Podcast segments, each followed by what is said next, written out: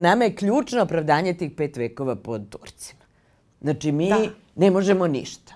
Što nema demokratije? Zbog pet vekova. Što su ulice prljave? Zbog pet vekova. Što, ne znam, imate problem s javnim WC-ima?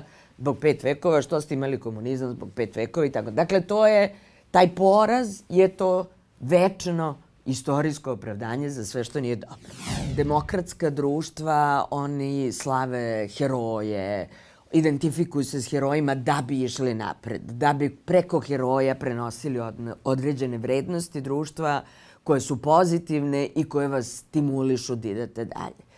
E, stavljanje žrtve kao centralnog e, subjekta istorije, da tako kažem, je ključno za nacionalizam, jer priča o žrtvi je nešto što homogenizuje društvo, što homogenizuje naciju.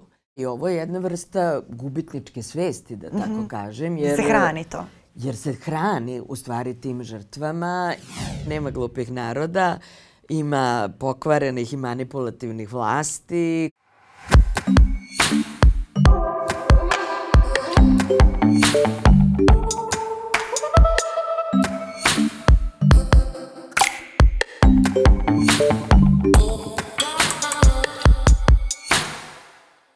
Dobar dan, dragi ljudi, dobrodošli u podcast Snaga uma. Ja sam Miljana. E, danas ću razgovarati sa istoričarkom Dubravkom Stojanović, e, sa kojom ću govoriti o tome na koji način naš narod uči i na koji način naš narod zaboravlja? Na koji način možda ljudi na ovim prostorima imaju tendenciju da stvari koje su se desile u prošlosti promene i nauče iznova onda kada im odgovara? U poslednjih nekih mesec, mesec i po dana e, bilo je dosta razgovora o tome kako izgledaju dominantna vaspitanja e, na ovim prostorima. Kako od porodice možda prićutkujemo jedni drugima neke stvari iz kojih bismo mogli da učimo, e, kako na poslu prećutkujemo. Tako da e, bih danas volela sa mojom divnom gošnjom istoričarkom da saznam nešto više o tome kako to izgleda na nekom krupnijem planu. Jer ovih dana živimo u tom nekom trenutku kad posebno govorimo kako nam se istorija ponavlja, pa hajde da vidimo kako to izgleda u poslednje vreme. Profesorka, dobro mi došli. Hvala vam na pozivu. Znam da je ovo tema koja vama jako bliska srcu, a i meni. E, mnogo puta sam razmišljala o tome kad god se dogodi e, neka velika stvar koja nas sve užasne, bilo da je to e, dešavanje u Gazi ili Ukrajina, pa krenu ta navijanja, uvek razmišljam pa da, mi smo istoriju učili kao nešto što je crno-belo, nismo učili o tome kako svaki rat donosi patnju, nismo na vreme krenuli da razmišljamo o tome, pa možda e, tako e, i dan danas. Ove, a koliko u stvari je važno razmišljati o tom uzročno-posledičnom momentu kada se uče te neke istorijske činjenice, naročito kad je to istorija ratovanja, istorija patnje. Da, hvala vam na tom pitanju. Hvala naravno na pozivu. Ovo je divna prilika da o tome razgovaramo u ovim okolnostima posle izbora. E, pre svega, istoriju učimo uvek jako pojednostavljeno. S jedne strane, to je i nužno, ono, nastavnici se žale dva časa nedeljno, ne mogu sve da stignu i tako dalje. Ali, e, s druge strane, to pojednostavljeno razumevanje prošlosti utiče na to da pojednostavljeno razumemo i sadašnjost. I onda, recimo, ako uzmemo rat, ja bih recimo uzela jedan rat, na primer, grčko-persijski, peloponeski, neki iz antičkog vremena i učila bi ga celu školsku godinu da bi shvatili đaci šta sve čini jedan rat. Znači koliko se on odražava na ekonomiju, koliko na politiku, koliko na svakodnevni život ljudi, koliko na bolesti, koliko na ishranu. Znači šta sve to znači e, e, i koliko to u potpunosti promeni jedno društvo i život svakog pojedinca.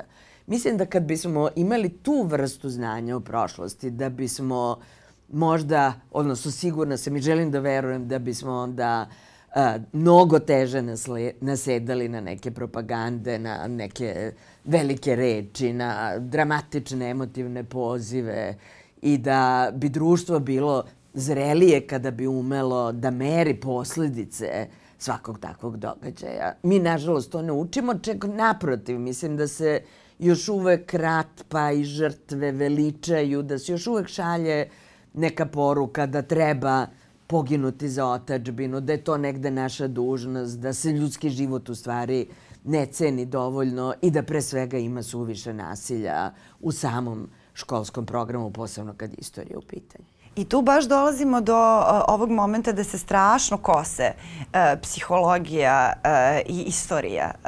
Dakle, ne kao, ne kao nauke, nego ono što bismo mogli da zaključimo iz učenja. To veličanje žrtava kao nešto čemu treba težiti, a ne kao nešto što treba prevazići.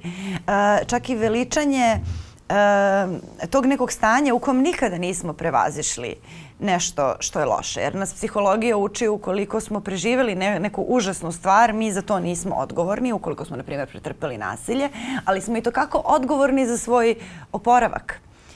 E sad, na osnovu ovoga što nas uči istorija, e, makar mi se čini na, na ovim prostorima, malte ne, ne, mi smo odgovorni da se nikad ne oporavimo. Je to? To, to? Kako je došlo do toga?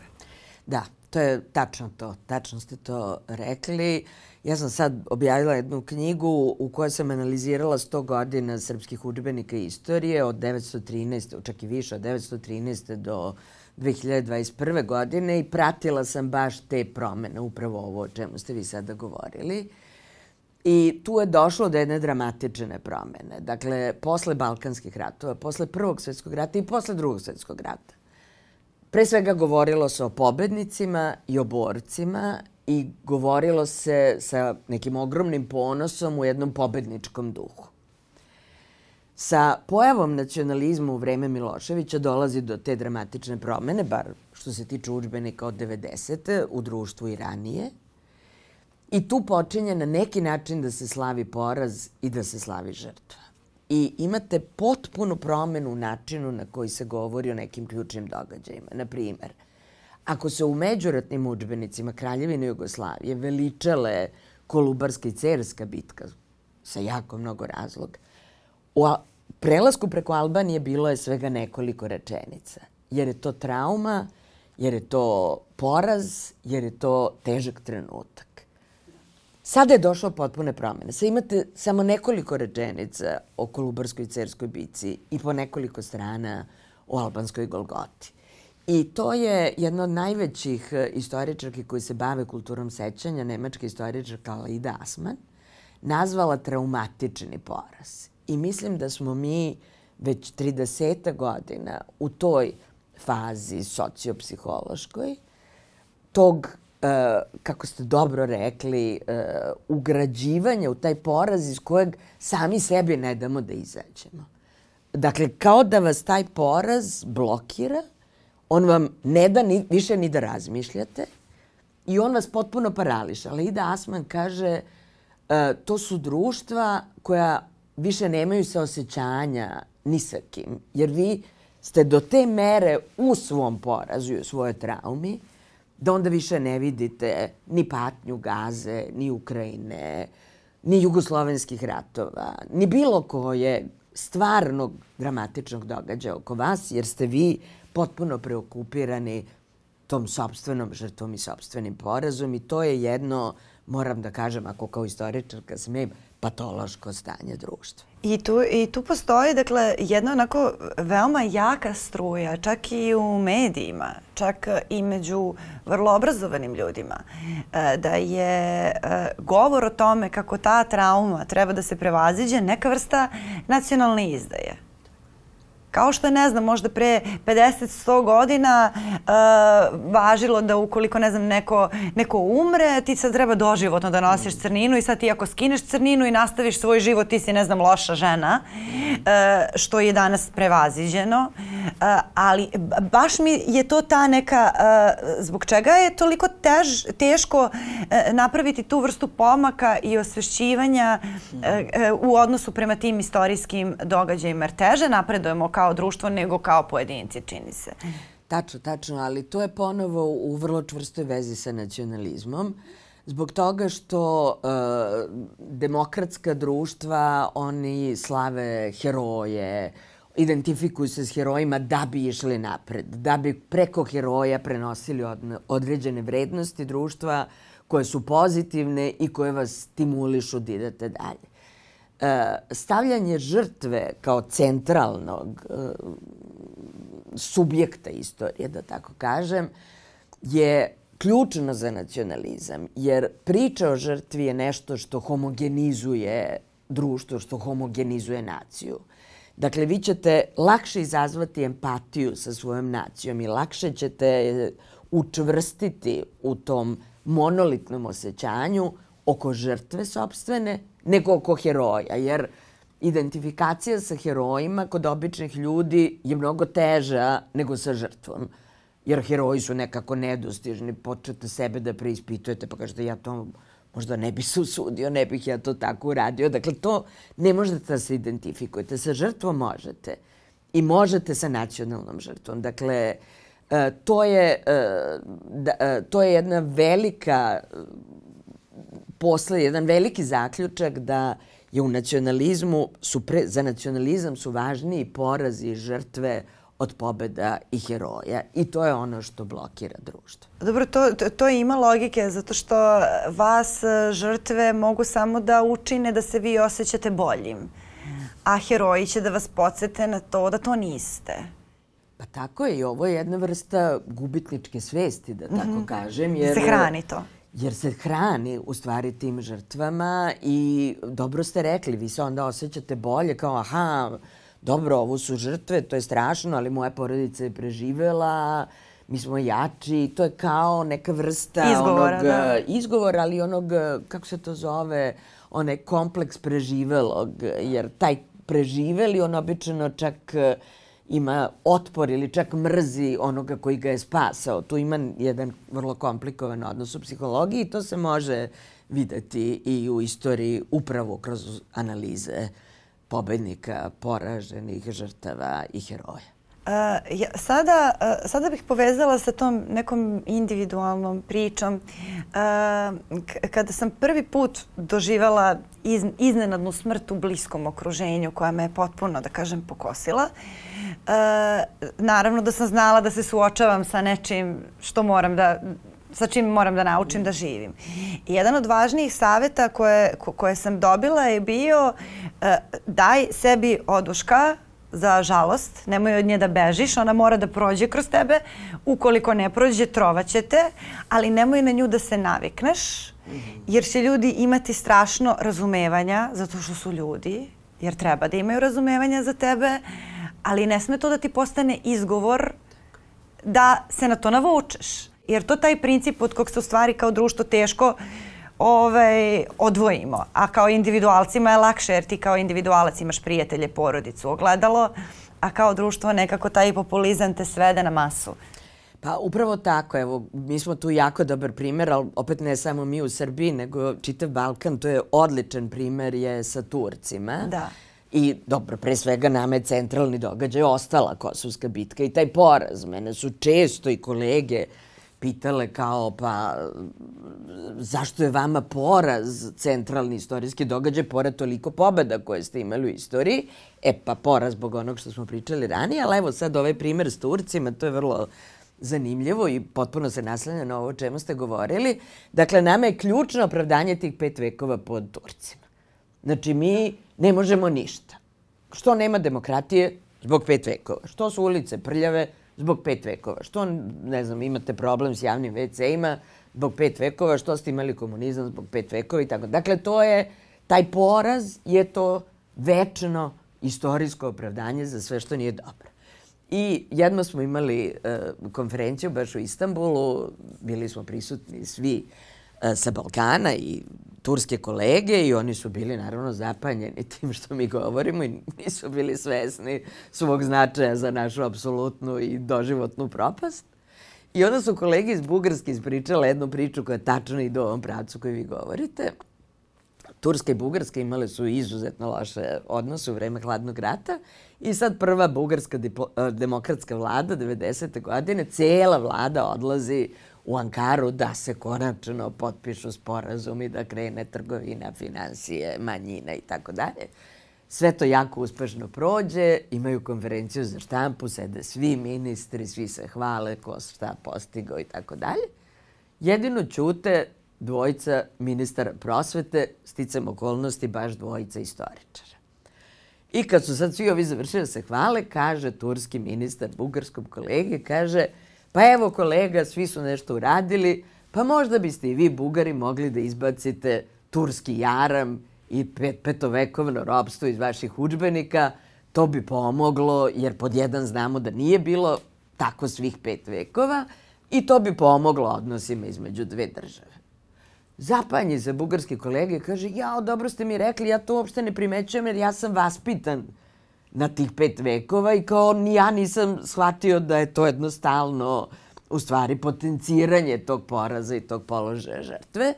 U pravu ste, izbacit ćemo bar reč jaram, jer to vas stalno stavlja u taj robovski položaj. Vraća se bugarska vlada sutradan u Sofiju, sva štampa, od levice do desnice, tabloidi, ozbiljne novine, svi, prva strana, ovoliki naslov, isti naslov, hoće da nam uzmu naš jaram. I to je tačno ovo što ste rekli. Jer šta smo mi bez te priče? E sad, nije tu sad stvar da narod želi da veruje da je i dalje po tim jarmom, nego to elite koriste i one vam stalno serviraju tu priču da bi vas držale po tim jarmom sada sobstvene. E, imali smo nedavno epizodu koja je bila posvećena narcisoidnom poremećaju i toj manipulativnosti. E, kod tih ljudi koji su ekstremno manipulativni, često i nasilni. E, I tu je kao jedan od šablona komunikacijskih e, to izbegavanje istine i odricanje odgovornosti. Pa sad ukoliko me uhvatite da sam vam nešto uradila nažao, ja ću reći da nisam. Pa sad ukoliko me već toliko saterate u ćošak, e, ja ću reći kako ste vi krivi za to, kako ste me vi e, izazvali i u, u, nikad neću preuzeti odgovornost. I zanimljivo je da kada, ne znam, e, revidiramo istoriju, e, nikada nećemo da je revidiramo tako da mi ispadnemo bolji nego što jesmo, da ispadnemo pobednici, u stvari. Nego su sve te revizije čini se ili usmerene ka tome ko je zlikovac ili ko je žrtva, a nikada ko je ispao pametan. Jer ne znam, ja je ukoliko želim neku neku svoju prošlost da zapamtim bolje, ja ću možda da zapamtim da sam ja u tom trenutku ispala pametnija nego što jesam, da nešto što sam možda slučajno uradila sam ja to tako baš htela. Nekako da ispadnem bolja, a ne da ispadnem, uh, da kažem, ili, ili veća žrtva ili veći zlikovac. Jer to ta isto veza koja je ovaj, neverovatna ta spona između tradicije, istorije, vaspitanja koja postane sadašnjost. Jeste, apsolutno. I mi moramo da posmatramo školu kao jedan deo ukupnog vaspitanja, gde se prenosi i model patrijarhalne porodice u potpunosti. Dakle, vi imate i dalje nastavnika koji, koji ako nije demokratski nastavnik, koji će biti autoritaran, on će narediti da naučite na pamet učbenik, dakle imate i svetu knjigu, dakle prenosi se taj model umesto da škola bude mesto razvijanja svih tih pojedinaca, razmišljanja, kritičkog znanja, onoga što bi bila demokratsko vaspitanje. Ali ovo je tačno, dakle, e, škola svodi e, svaki narativ na crno-beli, dakle, imamo pobednike i poražene, pametne i glupe, pobednike i žrtve. Zle i ove Zle i savršene. Dobre, dakle, da, sve da. je uvek vrlo binarno, sve je uvek uh, tako jednostavno, umesto da vas uči da ni jedna situacija nije takva i da ni, jedan, ni jedna strana uh, nije tako jednostavna. A ono što posebno uh, škola uči i time sam se mnogo bavila, to je određena filozofija istorije koja stvarno mislim da je osnova autoritarnih poredaka koji se nama e, ovde neprekidno smenjuju. A to je da vas škola uči da je istorija neka vrsta, s jedne strane, sudbine. Jer tako o njoj govorimo. Dakle, govorimo kao uh, ne znam, onda je počeo rat, onda su došle sankcije, onda, dakle, govorimo o nekim neutralnim terminima kao da niko za to nije odgovoran, kao da se to desilo poput sudbine. Kao da je zemljotres, a ne rat. Da, da. Kao da je prirodna pojava, kao da je kiša. Onda kažu, ratovi u Jugoslaviji su počinjali lokalno, ali su se onda raspršili. Pa čekajte, rat ne može da se rasprši, to je užasno komplikovano. Vi morate nekog da naoružate, da obučite, da nađete novac, da napravite neke vojne jedinice. Dakle, to morate da naučite decu. On nije prirodna pojava, ni istorija nije prirodna pojava. Ili istorija se vraća. Pa ne, ne vraća se. Ili se kaže 91. nam se vratila 41. Pa nije nam se vratila. Nema Hitlera, nema svetskog rata, nema napada na Jugoslaviju s polja. Dakle, uzroci i ceo kontekst je potpuno drugčiji. Ali ovom vrstom govora o istoriji kao sudbini, kao metafizičkoj snazi, kao prirodnoj pojavi, kao kiši ili kao nekom cikličnom vraćanju, vi oslobađate pojedinci i društvo odgovornosti. Vi im šaljete poruku da vi onako ne možete ništa. Kao, ko vas uopšte pita? I odatle ono, pa što da izađem na izbore, ja ne mogu ništa da promenim. Između ostalog, to dolazi i od tog narativa koji vlada našim školskim sistemom da vi kao pojedinac ne možete ništa, jer vas kose te velike, taj veliki točak istorije i vi samo čekate da on opet dođe i da vas pokose tako svaki 50 godina. Dakle, nema te poruke da recimo, mislim da je to jednostavno, počinje neki rat, pišete o tom ratu, pokažite i sve one koji su bili protiv tog rata. I šta su oni govorili? To bi već pokazalo da je i rat pitanje izbora i da je neko to odlučio i da se on nije desio kao kiša. Pa da, i čak i kad govorimo o tom bombardovanju 99. evo mi se sećamo, ali već neka, neke nove generacije toga ne mogu da se sećaju jer nisu bile rođene. Mi se sećamo koliko je bilo protesta i u Parizu i u Americi i da to nije sada došla Amerika i nas bombardovala, da nisu svi Amerikanci e, do, došli i, i nas bombardovali. Slobodana Miloševića koji nas je da, doveo do početak, toga pobogu. Da, da ni, ali je to taj ono moment sada nama su svi Amerikanci bili neprijatelji, pa nisu, neki su danima protestovali protestovali i bunili se i bili očajni. Ovaj, dakle, nisu svi ti, nisu oni ljudi koji su bili znakinjama poginuli, nužno se radovali što idu bombe na nas. Znači, naprotiv, možda su baš to bili ljudi koji su, koji su protestovali. Ali je to ta, ta, ta simplifikacija u kojoj se gube sve one naj, najvažnije boje. A kada smo kod revizije i kod ovog laganja, ovaj, e, prvo nisam ja, pa onda da, ali ja sam to zato što me je ona isprovocirala. To to je taj model koji mi se čini da se često i u istoriji dešava. Prvo je nešto crno-belo, pa onda krenu da se pojavljuju boje da bi se na kraju crna i bela potpuno, potpuno zamenile. Pa da, tačno, zato što vi nećete, e, nećete sobstvenu prošlost ni na koji način kritički da prikažete i onda vi neprekidno šaljete određene mitove. Recimo, jedan od mitova, vrlo važnih ovde, je nikada nismo vodili osvajačke ratove, nikada nikome ništa nažao nismo uradili. Drugi deo tog mita, takođe vrlo prisutan u javnosti, svi su uvek bili protiv nas, svi ono nož u leđa kad nam je najteže, svi nas mrze i tako dalje. I sad vi ako to povežete, vi ulazite u jedno polje potpuno iracionalno, znači vi ste bez ikakve vaše odgovornosti, vas svi mrze. I samim tim vi se ponovo stavljate tu ulogu žrtve. Umesto da ste uzeli jedan čitav niz istorijskih situacija gde je Srbija vodila osvajački rat, gde je javno proklamovano u novinama u 19. veku ili u Balkanskim ratovima da je cilj, ne znam, u Srpsko-Bugarskom ratu da se zauzme Sofija, da je cilj u Prvom Balkanskom ratu da se zauzme uh, sever Albanije izađe na Jadransko more. To je javno proklamovano. Sve novine to pišu. Čitala sam te novine. Dakle, to niko nije krio tad. Čim se taj rat završio, još jedno vreme se govorilo, eto, izgubili smo Severnu Albaniju, izlazak na more, a to smo hteli. Vrlo brzo je to stavljeno po tepih i prestalo je potpuno da se o tome govori. I onda dođemo u situaciju da su nas Bugari u drugom Balkanskom ratu napali iz čista mira. Ne kažem, oni jesu napali iz čista mira, ali je postojao jedan deo odgovornosti srpske vlade koja je nešto prekršila neki ugovor, da sad ne ulazim u te detalje. Ali znači vi ne pokažete vaš deo odgovornosti i onda reakciju s druge strane, da bi se shvatio ceo taj događaj. Nego se opet ubacujete u ovu poziciju ničim izazvane žrtve i morate da razmišljate kakve su posljedice po društvo ako im stalno to sugerišete. Na bilo kom nivou, od istorije do Novaka Đokovića. Svi mrze Novaka Đokovića. Pa nije tačno da svi mrze, naprotiv. Uzmite, čitajte te strane novine i vidjet ćete jedno apsolutno obožavanje Novaka Đokovića. I poštovanje. I poštovanje. Znači, u redu, ima nekih novinara koji ga ne vole.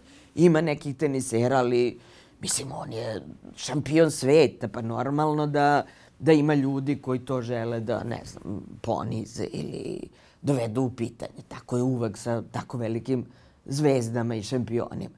Ali ne, vi ste izabrali samo one momente da pokažete da, da je sve protiv njega, i sudije, i publika, i sve, sve, sve, sve, sve, čime se ubacujete u ovaj narativ da je tako i protiv nas kao celine srpskog naroda. Ali to je jako zanimljivo jer mi imamo jednog sportistu koji je apsolutni šampion na svim mogućim nivoima. Ako je neko pobednik, on je pobednik i mi uh, opet nekako u tim kolektivnim trans, u tom kolektivnom transu, onda kada hoćemo da se poistovetimo sa njim, umesto da ajde, ako ćemo već da budemo iracionalni, bolje da se hvalimo time kao, eto, Nole je najbolji, mi smo svi najbolji zajedno s njim, po principu nas i Rusa koliko miliona, ove, ako veze nema, a, nego sad kao, mi ćemo njega da smestimo u poziciju da njega mrzi ceo svet, pa ćemo mi tu da budemo zajedno. Kao, mi smo ispravni svi, ali nas eto svi mrze i u suštini kao pravimo luzera od nekoga ko, ko apsolutno ni po, kojoj, ni po kom osnovu to ne može, ne može da bude. Čovjek je stvarno vanzemalja, svetski šampion u toliko godina, svemu. on to nastavlja da. u svemu, da. na najtežim terenima, ne, kad, koje god novine da uzmete, ne Brsenovka, sve su radili protiv. showman, ultra harizmatičan, ne možeš da ga da uhvatiš, da, porodica, sve, nema. Govori italijanski, francuski, drži one govore, zahvaljuje se, slatko, dobija aplauze. Mislim, kao zašto stalno kad o njemu govoriš stavljaš i njega u tu poziciju, ne razumem zaista, mislim, stvarno su mi to neki pa moguće, znaci ko, koji me duboko uznemiravaju. Pa moguće zaista. da je odgovor na to pitanje sličan, ono isto kao zbog čega e, Kosovska bitka ima čitav jedan, ono, čitavu jednu pop kulturu za sebe, o, a Cerska nema. Pa da. Zašto Cerska bitka nema svoje navijačke grupe, na primer, ili tako, mislim, grafite tolike, sve te ja sam analizirala taj govor o istoriji i onda, ne znam, recimo u socijalističko doba kad su se slavili heroji i kad su se dizali spomenici i kad su imali te stotine narodnih heroja i tako dalje. Nije ni to dobro za društvo. Dakle, jedna takva heroizacija prošlosti u krajnjoj liniji jedno slavljenje nasilja kroz to. Ali zaista, ako uporedite to sa ovim stavljanjem žrtve na pijedestal jedinog učesnika istorije ili najvažnijeg, najvrednijeg, Ja sad mislim da je zdravije e, stajati iza heroja na taj način, čini mi se, i ne čini mi se meni, to dokazuje i teorija kulture sećanja, društvo se vu, ide napred. A ovo je nešto što petrifikuje društvo i drži ga u tom grču u kome ono živi tu nesreću i, kao što ste vi rekli na početku, samo sebi ne da iz ne, doživljava se kao izdaja, da. jedan pokušaj normalnosti i postavljanja nekih pitanja od čega živimo, kakve su nam bolnice, kakve su škole, kakve su, ne znam, neuređene seoske sredine i tako dalje. E sad ja kao učenica, e, ako sam vas dobro razumela, e, taj moment razumevanja grešaka iz prošlosti i kritičkog analiziranja prošlosti, u stvari meni, nama, svi daje neku svest o tome da mi živimo jedan istorijski trenutak koji mi kreiramo i da smo deo neke priče koja nije ni ispričana ni završena i da je na nama odgovornost kako će ovaj deo te priče da izgleda i uh, kako će uh, da budu pripremljene generacije koje dolaze koje treba tu priču da nastave. Uh, a kada pričamo o žrtvama i kada se, kada stalno živimo u tom strahu od toga da će nam neko reći da smo izdajnici, da mi u stvari takođe smo svesni svoje uloge, ali da nekako imamo potrebu da ovo svoje vreme potrošimo ne na kreiranje sadašnjeg trenutka, nego na menjanje da živimo kao u traumi, da živimo kao kada se u pojedinačnoj traumi, kada nije prevaziđena, ti si iznova i iznova u tom jednom trenutku zarobljen, da tako isto i kao društvo, ukoliko se stalno plašimo te osude, ćemo biti zarobljeni u tome pa ćemo menjati. Pa je čas draža super, čas je zlikovac, čas je fašizam dobar, čas nije i stalno vrtimo tu kocku, nikako ne možemo da pronađemo moment, e, varijaciju istorije koja nam odgovara, nam ne odgovara ni jedna. Tako je, samo što, a, apsolutno ste kao učenica, sve to dobro razumeli, samo što to nije samo problem društva ili nije uopšte problem društva. Dakle, to je pre svega problem političkih elita i nekih drugih elita koje blokiraju društvo da bi mogle apsolutno da vladaju. One mu stalno nameću taj život u prošlosti i zato sam knjigu i nazvala Prošlost dolazi. Dakle, ovde prošlost nije otišla, što bi trebalo da bude. Evo ovaj pre pet minuta to je otišlo na vaše prethodno pitanje, gotovo je s njih. Ne, vas vlasti drže u tom neprestanom vraćanju svega postojećeg, u to stalnom nekom životu u prošlosti, da bi e, pod jedan, jer nemaju da vam ponude bolju sadašnjost i bolju budućnost, pa ako vele bolje ti ostani u boljoj prošlosti, I drugo, e, tu se neprekidno stvara jedan strah u društvu. Ja mogu da potpuno razumem naše građane ako analiziramo to kako se o tome govori, jer se njima stalno stvara strah da prošlost tek dolazi, da to nešto strašno tek mora da se desi. I to je, vi stvarate u tom društvu jednu kolektivnu anksioznost, jednu veliku nesigurnost, Ili kao što je Stojan Cerović, to mi je zaista omiljena izjava, naš divni novinar vremena, e, pokojni, govorio ovde je prošlost neizvesnija od budućnosti. Dakle, kreiranjem te neizvesnosti, šta će se desiti u prošlosti, vi zastrašujete društvo i pojedince i društvo i vi onda možete apsolutno da vladate. Jer onda vi kažete, ali ja ću to sve da rešim. Ja znam kako to da rešim. Samo me slušajte apsolutno i pokorno.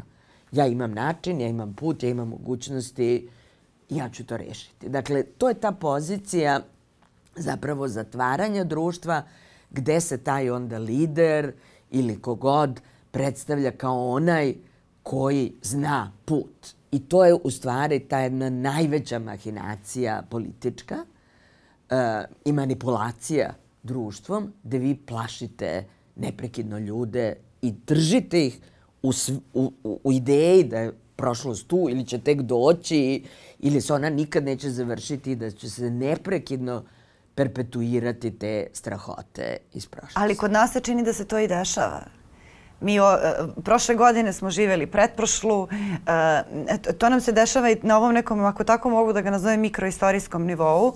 E, u poslednjih deset godina postoji taj jedan jak osjećaj kao prvo da nam se ponavlja ovaj, novija istorija, da nam se ponavljaju 90. a sada nekako sve češće imamo moće da nam se ponavlja prethodna godina. Da je princip isti, da su ishodi isti, da, da su samo emocije slabije, da se navikavamo da se kuvamo kao žaba. Jer to, to neki dominantan, dominantno obeležje ovog istorijskog trenutka koje živimo. Pa da, mislim da jeste, zato što je to tipično za autoritarne poredke ili čak diktature, da oni zapravo stvaraju jedan takav osjećaj među ljudima, iako naravno nije isto. Dakle, sve je drugčije skuplja struja. Mislim, imamo rat u Ukrajini, to je dovelo do poskupljenja, to je dovelo do inflacije. Dakle, ako biste pogledali konkretne faktore, nije isto. Imamo sad rat na Bliskom istoku, on opet bitno menja ceo svet. Ne znam, imamo, čekaju nas izbori u Americi, čekaju nas izbori u Evropskoj uniji. Dakle, to su sve neke stvari vrlo dinamične koje su direktno odrazile i na naš život kroz ono slabiji standard. Dakle, nije isto. ali kroz kreiranje tog utiska da se stvari stalno menjaju, vi umrtljujete društvo e, i ono se osjeća sve beznadežnije i mislim da je to recimo jedan od odgovora na slabu izlaznost i na ono što je mene lično najviše porazilo, a to je da se ne čini da je ogromna i uspešna kampanja proglasa ništa nije bitno promenila. Dakle, za mene je to glavni utisak izbora, jer to onda govori o jednom zaista umrtljenom društvu, a mislim da su svi ovi faktori o kojima smo danas govorile e, faktori koji umrtljuju društvo. Znači, često se govori mi imamo otetu državu, mi imamo kidnapovanu državu, to je naravno tačno, ali mi imamo oteto društvo i nećemo tu državu osloboditi dok društvo te stege koje su je nametnuli, uključujući ideju da je sve stalno isto i da ne možemo tu ništa da promenimo. E, pošto sam vam rekla da, e, da bih volela da i o ovom fenomenu e, razmišljamo dok razgovaramo iz različitih aspekata, ja bih podsjetila gledalce ili slušalce, zavisi kako, kako nas prate, na epizodu sa Žaklinom Tatalović, koja je govorila o mobingu i o tom uh, osjećaju koji se u nasilničkom okruženju stvara, uh, ka, koji vas izoluje, koji vam ubija samopouzdanje i koji takođe počiva na tom nekom ubeđivanju da ste vi krivi za sve i da ne postoji izlaz, da je, vaše, da je sve vaše predodređeno i da je svaki vaš korak uh, ka izlečenju u stvari jedna velika, jedna velika krivica s jedne strane i s druge strane epizodu sa psihološkinjom Danijelom Ostojić koja je govorila o e, narcisoidnom poremećaju i o tim, e, i o tim modelima, takođe o modelima vaspitanja na Balkanu koji nas na neki način pripremaju za sve ovo što možemo onda da vidimo kako utiče i kako se ogleda i na našu istoriju. I sada kako privodimo razgovor kraju, htela sam da se osvrnemo malo na društva koja možda nemaju ovaj problem. Jer vrlo je nezahvalno naravno uvek porediti traume i tragedije. Jer je svaka teška i sa poređenjem svaka se obesmisli apsolutno i nikad to ne bih radila. Ali ako bismo recimo uzeli Japan, e, i njihovu ulogu u drugom svetskom ratu i e, ono što se Japanu dogodilo na kraju drugog svetskog rata. Dakle, apsolutno možemo da kažemo da su to neke stvari koje ostavljaju duboku traumu na društvu koja može da se oslikava na generacije koje dolaze, čak i vekovima. E, kako su oni uspeli da ne prevaziđu to prošlost, nego da sada već žive neku budućnost koju mi ne možemo ni da zamislimo, pa kada neko od nas ode u Japan ima osjećaj kao da je otišao kroz vreme. E, u čemu je razlika u pristupu? Je li to razlika i u vaspitanju, i u odnosu prema istoriji, i u toj nekoj dominantnoj psihologiji, sve zajedno ili šta? Pa dobro, naravno, to su pot, gotovo potpuno neuporediva da, da. društva, naravno. Yes. I Japan ima jedan svoj sistem vrednosti koji je jedinstven i taj odnos prema caru i vrlo strogo i društvenoj hjerarhiji. To je nešto što mi nikada nismo imali. Mi smo ubili sve naše kraljeve i sve naše vladare. Tako da to su stvari stvarno teško uporedive. Ali Možemo recimo da se zadržimo na tom spomeniku u Hirošimi e, i na spomeniku piše nećemo ponoviti grešku. Znači, mi nećemo ponoviti grešku. Oni ne govore o atomskoj bombi, oni ne govore o Sjedinjenim državama, oni go preispituju sebe i kako su se doveli do te situacije. Mislim da je to uh, lekovito. To je to kritičko razmišljanje o sadašnjosti i o prošlosti. Naravno, oni su tu imali neke olakšavajuće okolnosti. Imali su prvo suđenja za ratne zločine na tlu Japana, e, sudilo se i industrijalcima koji su učestvovali u proizvodnji za rat, e, premijerima, osuđeni su na smrt, dakle, bilo je to suočavanje odmah s tim. Vrlo brzo su krenuli napred, to je vrlo važno za jedno društvo. Dakle, oni su, kako se rat završio, oni su zbog hladnog rata, naravno zbog Sovjetskog saveza i zbog Kine, odmah postali američki saveznici broj 1, dobili ogromne investicije, krenuli u novu tehnologiju, oporavak društva i u to samopouzdanje o kome ste vi govorili. Dakle, oni su sticajem istorijskih okolnosti izašli iz te pozicije žrtve i okrenuli se ka budućnosti, možda čak i nedovoljno razmišljajući baš o tome šta ih je dovelo do te situacije što komplikuje danas odnose i sa Južnom Korejom i sa Kinom koje su oni zaista masakrirali na najstrašnije načine.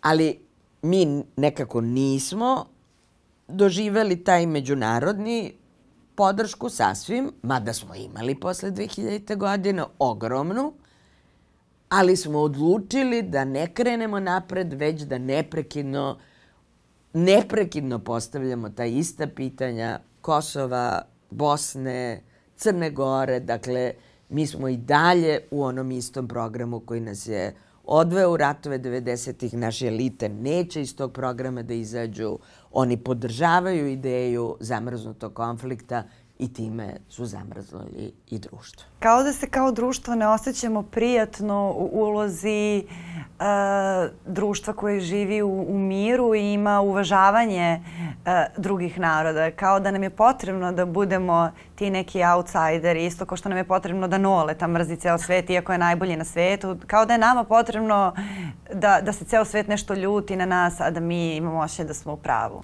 Je li to pa, taj moment? To je otprilike na nivou, ako sad smem ja da ovako laički psihologiziram, ovaj, na nivou onog deteta koje je nestašno da. u obdaništu, kojeg onda svi grde, a onda je ono još gore i sve gore i na neki način hoće da privuče pažnju uh, time što je gore, a u stvari mu treba priznanje i treba mu podrška i treba mu neko ohrabrenje. Da, mislim, meni često sam govorila, opet sad ulazim u tuđe profesije, ali ovako možda u javnosti se smije. Često sam govorila da mi uh, bolujemo ovde od jednog e, kolektivnog sindroma Petra Pana, gde kao društvo nećemo da napravimo taj ključni korak ka odrastanju, a onda, kao što znamo i s Petrom Panom i sa svom tom decom koja su nevaljala obdaništu, Uh, vi ne možete da ostanete na istom nivou uh, nestašluka, da tako kažem. Vi morate pravite sve veće skandale da bi na vas neko obratio pažnju. Mi se dosta često tako ponašamo. Da, uvek dođe do, do eskalacije. Uh, uzela sam Japan kao primer zato što mi se čini kao, total, kao e, naj, najdalja, uh, ovaj, kao da tu postoji najveća razlika, kao da smo najmanje slični, da, da, da su potpuno u pitanju dva kontrasta. Da. Uh, o, upravo iz tog razloga kao šta bismo mogli da naučimo iz nekoga ko je u drugom u drugom pravcu. Ali kako to uraditi? E, da li ste pronašli odgovor na to pitanje kako jedan pojedinac Uh, može da, da bude deo tog jednog kolektivnog osvešćenja, jer svaki put kada pojedinac govori, naići će na tu vrstu uh, barijere u vidu izdaja neko će povikati izdaja i ta lavina mm. uh, će se dogoditi. Gde tu pronaći uh, neku meru? Pa to je jako teško, ali ja nemam drugi odgovor od vrlo dubinskih promena, pre svega u sistemu obrazovanja, koje će onda biti usmereno stvarno ka izgradnji snažnijih pojedinaca, uh, sposobnih u ovom izuzetno komplikovanom vremenu sa takvim viškom informacije i dezinformacija i društvenim mrežama i sve što nas oklju, u, okružuje, gde će taj pojedinac umeti da, da se snađe i da u svemu tome donosi racionalne odluke. To je, nije to sad samo pitanje našeg društva, to je pitanje uopšte budućnosti škole, to je nešto o čemu svi sada vrlo intenzivno razmišljaju. Uh, Jer šta će vam danas škola ako imate sve podatke na Google, u telefonu, Mislim, same činjenice, hoću da kažem. Dakle, činjenice su vam u telefonu, ali kako ćete ih vi razumeti? Šta ćete, kako ćete ih povezati? Ne, da. uh, koje ćete im značenje dati? Koju ćete im vrednost dati?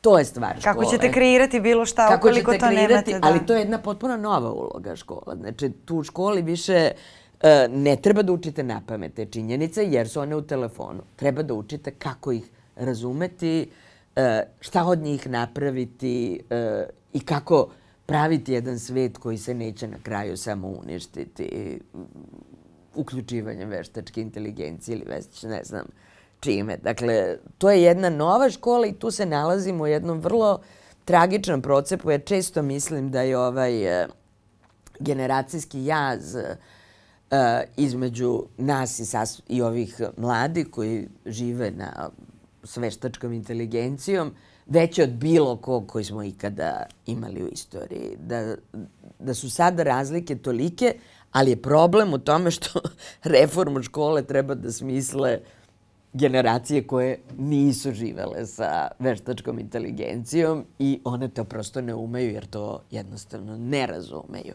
I to je, ne znam kako se rešava taj problem, uh, jer je to jedna situacija koju mi zaista, mislim, nijedna prethodna generacija, oni koji razmišljaju o reformama obrazovanja nije imala.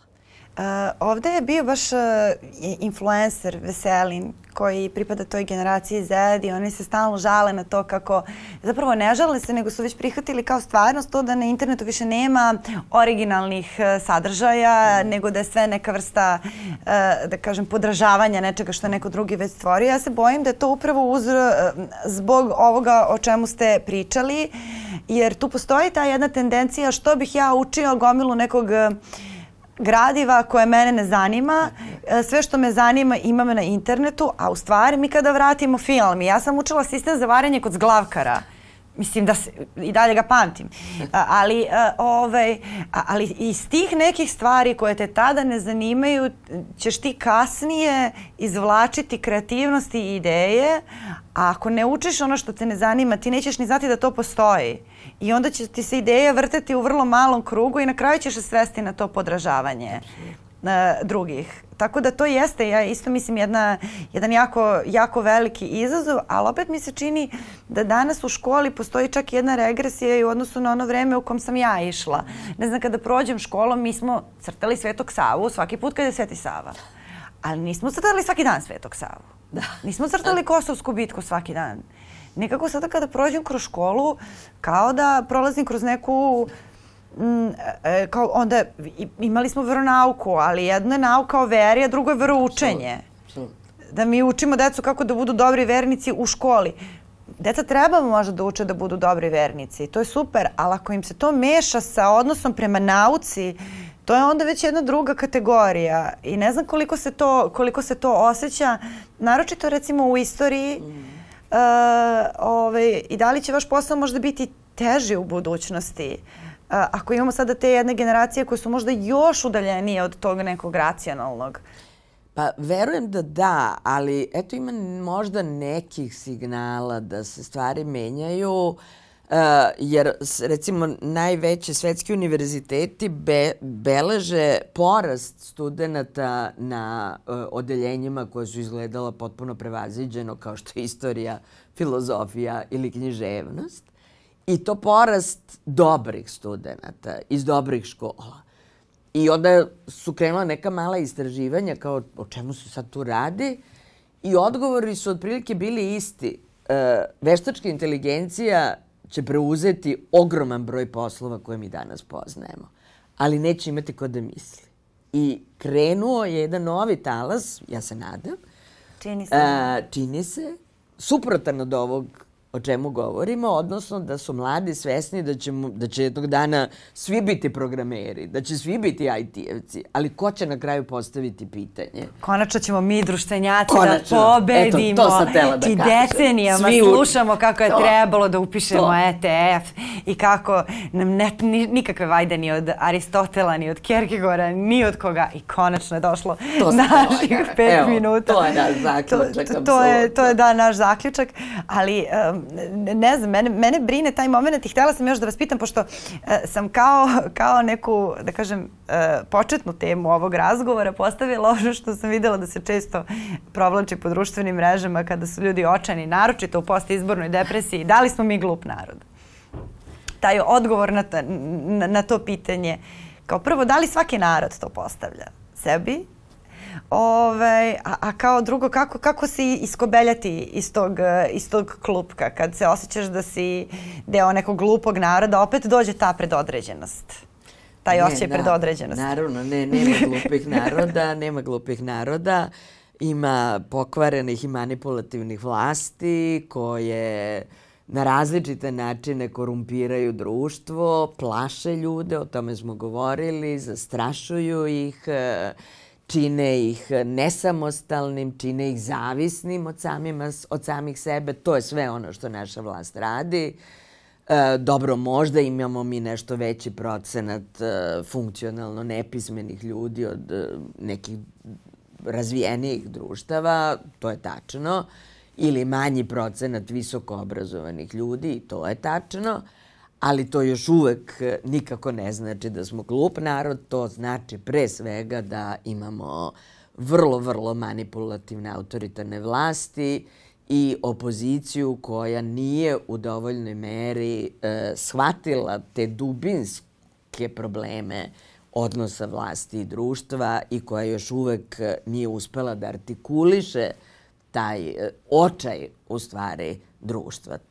Potrebno je doći do te sinergije opozicije i vlasti, dati ljudima samopouzdanje, objasniti im da stvarno sve zavisi od njih, e, i nekako ih pokrenuti iz te letargije u kojoj ih vlast namerno drži pošto je u, u vreme praznika, slava i generalno tih druženja se često pokreću te istorijske rasprave. Ove, ovaj, u što treznim, što po polu cvrcnutim ovaj, okolnostima, ne zna se, ovaj, ne zna se koje su onako konstruktivnije po prirodi, verovatno. Vamo kao istoričarki posebno ove, i, i svi ti onda mitovi krenu da isplivavaju na površinu i slično. Da li kao što govorimo o medijskoj pismenosti, bi možda trebalo da krenemo da govorimo o istorijskoj pismenosti. I da li imate neko uputstvo za upotrebu istorije, jer možda stvarno ukoliko ovaj, e, to uputstvo za upotrebu nemamo, možda bolje da ne razmišljamo o istoriji, da razmišljamo o budućnosti, jer čini se da svako ima prirodno uh, ovaj, ugrađen taj sistem da zamisli bolju budućnost, a istorija baš možda ipak zahteva neku vrstu obuke. Ne, ne, imamo, imamo kako da ne i to smo moje kolege i ja, mi smo evo više od 20 godina radili zajedno, to su moje kolege iz svih balkanskih zemalja, od Slovenije do Turske i Kipra, znači svi smo tu i mi smo proizveli uh, šest knjiga, možete da iskinete na srpskog sa stranice Joint History Project, JHP, JHP. Uh, u tim knjigama smo promovisali taj metod. I taj metod je pre svega multiperspektivnost. Dakle, da o jednoj istorijskoj situaciji, posebno teškim istorijskim situacijama, damo istorijske izvore koji govore o svim zainteresovanim stranama. I onda vi odjednom kao u nekom rašomonu vidite i to za protiv kako ko tumači taj događaj. Zašto neko slavi neku tragediju, a drugi nad njom plače. Dakle, uh, različite reakcije da bismo razumeli pre svega tog drugog. Nije bitno da se mi s njim pomirimo i ne treba da dođemo do konsenzusa i da kažemo evo, dogovorili smo se šta je Jasenovac, šta je Oluja, možda se nikada nećemo dogovoriti. Ali je užasno važno da razumemo šta se priča s druge strane.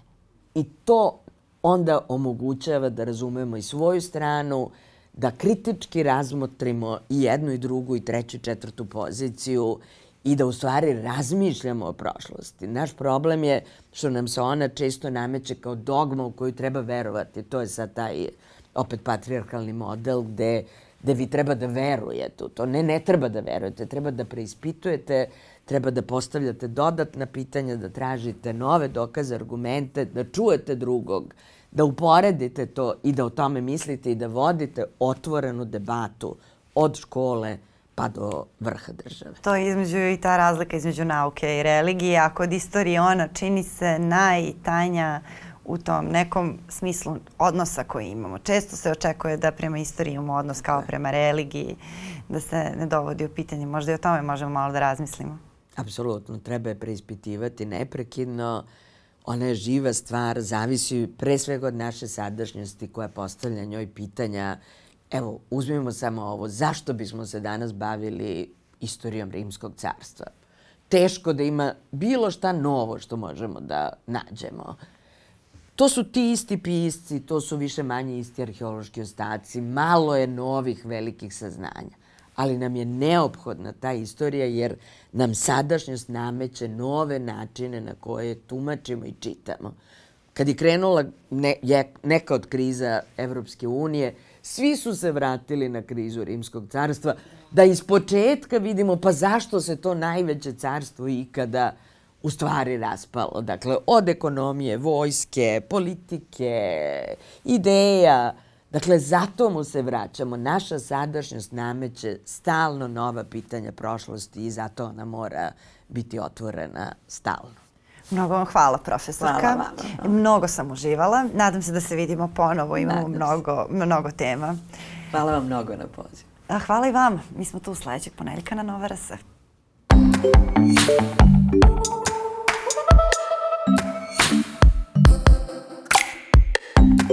Thank you. Oh.